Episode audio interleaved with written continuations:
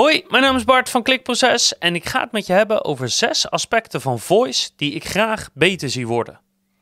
Kijk, voice groeit gestaag door. Uh, de adoptie van voice groeit gestaag door. Het aantal apparaten groeit gestaag door. De techniek groeit gestaag door.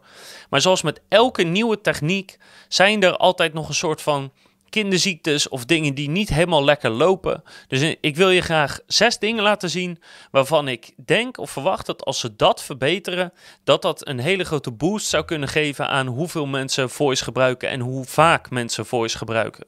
Welkom bij Klikproces met informatie voor betere rankings, meer bezoekers en een hogere omzet. Elke werkdag praktisch advies voor meer organische groei via SEO, CRO, YouTube en Voice. En in zijn algemeenheid, en dit is nog niet het eerste punt, uh, zou ik graag gewoon meer uh, Google Actions zien. Ik zou gewoon graag meer bedrijven zien die een Google Action hebben waar een consument of een klant of een bedrijf echt iets aan heeft. Want het is een beetje het kip en ei verhaal. Hoe meer je ermee kan, hoe meer mensen het gebruiken. En hoe meer mensen het gebruiken, hoe meer mensen uh, een action gaan maken.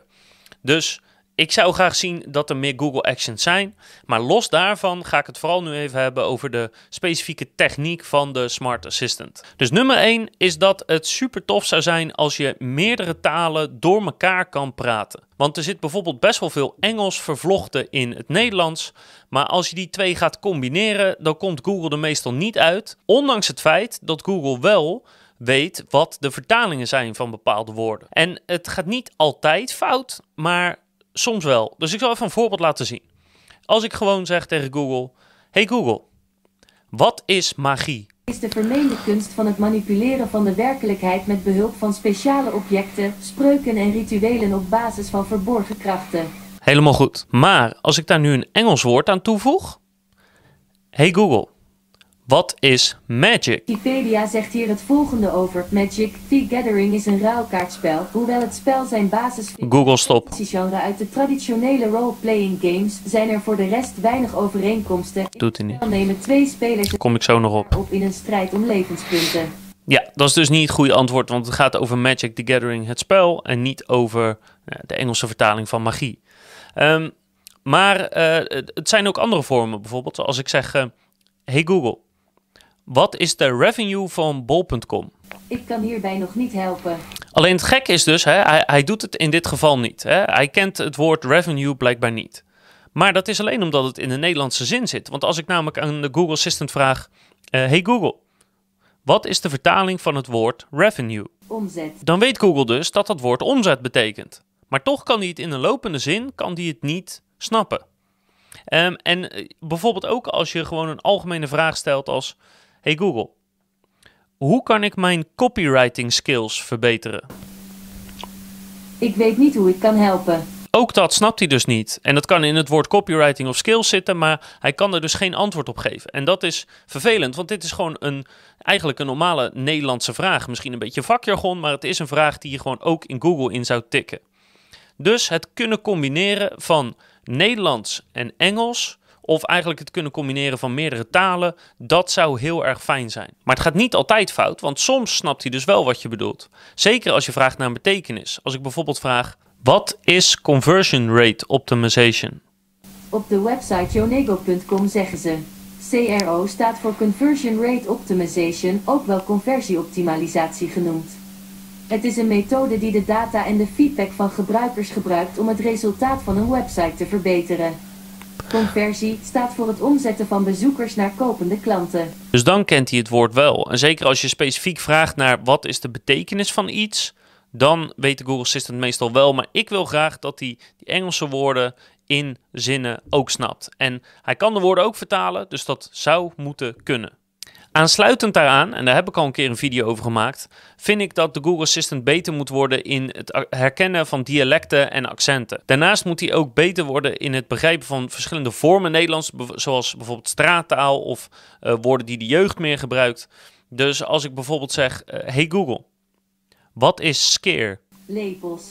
Nou, scare betekent niet lepels, scare betekent gierig. Als ik bijvoorbeeld vraag: Hey Google, Hoeveel is een kop? Ik weet nog niet hoe ik hierbij kan helpen. Nee, nou, een kop is duizend. Dus dat soort woorden, ik zou graag zien dat de Google Assistant daar goed antwoord op kan geven. En hoe makkelijker mensen kunnen praten, hoe meer ze gewoon daadwerkelijk de woorden kunnen gebruiken die ze nu in het echte leven ook gebruiken, hoe groter de kans is dat ze voice gaan gebruiken en hoe meer succes het wordt en hoe meer algemener het wordt. Dus dialecten en accenten, daar moet aan gewerkt worden. Het derde puntje is dat het super zou zijn als de Google Assistant min of meer een gebruiker kan herkennen. Dus als ik uh, met deze Google Assistant praat, dat het niet anders is als dat ik naar een andere Google Assistant ga en daarmee praat. Want nu moet je elke keer elke Google Assistant koppelen aan je telefoon of aan iets anders om een enige vorm van personalisatie te krijgen. Maar uh, hij herkent nu uh, niet wat mijn voorgaande zoekopdrachten zijn geweest of mijn voorkeuren. Dus ik moet bij elke Google Assistant moet ik van alles opnieuw instellen. Het zou mooi zijn als hij dat gewoon algemeen zou herkennen. En dan snap ik dat je daar spraakherkenning voor nodig hebt of dat je een bepaalde manier van inloggen nodig hebt. Maar uh, bijvoorbeeld Amazon Alexa is daar al veel verder in. Dus spraakherkenning, zodat hij snapt wie ik ben en wat ik wil en wat mijn voorkeuren zijn, dat zou heel erg fijn zijn. Aanvullend daarop zou het fijn zijn als die Google Assistant de content die die weergeeft aanpast aan de gebruiker. Bijvoorbeeld aan de leeftijd, of aan het geslacht, of aan eerder gedane zoekopdrachten. Want het is namelijk zo dat als ik uh, naar websites zoek op Google, dan heb ik ook de voorkeur voor bepaalde sites wel of bepaalde sites niet, of een bepaalde manier van vertellen. Nou, en de Google Assistant zou moeten leren wat ik fijn vind en wat niet en zich daarop moeten aanpassen. En dat doet hij op dit moment niet. Ook als ouder zijnde zou ik het fijn vinden als de Google Assistant de content aanpast aan het niveau van degene die praat, zodat mijn kinderen uh, op het moment dat ze opgroeien nog steeds heel natuurlijk met de Google Assistant kunnen blijven praten. Als vijfde punt zou het top zijn als Google veel beter wordt in het herkennen van het woordje stoppen en dan stopt met de actie die die onderneemt. En dat is niet alleen een probleem bij de Google Assistant zelf, maar ook in heel veel actions is het heel irritant dat dat ding maar blijft ratelen en ratelen en niet stopt als ik zeg stop of hou op of genoeg of klaar of iets in die zin. En als ik bijvoorbeeld vraag, uh, uh, hey Google, wat is een kangeroe? Wikipedia zegt hier... Hey Google, stop. Kijk, nu gaat het goed. Nu doet hij het. Maar als ik het volgende zeg, Hey Google, wat is een kangeroe? Wikipedia Stop. Hier het volgende over. Stop ermee. Ja, klaar, genoeg. Ja, ik weet het. In Australië, Ja, hou maar op. Zie je, dat doet hij niet. Je moet per se zeggen, hey Google, stop.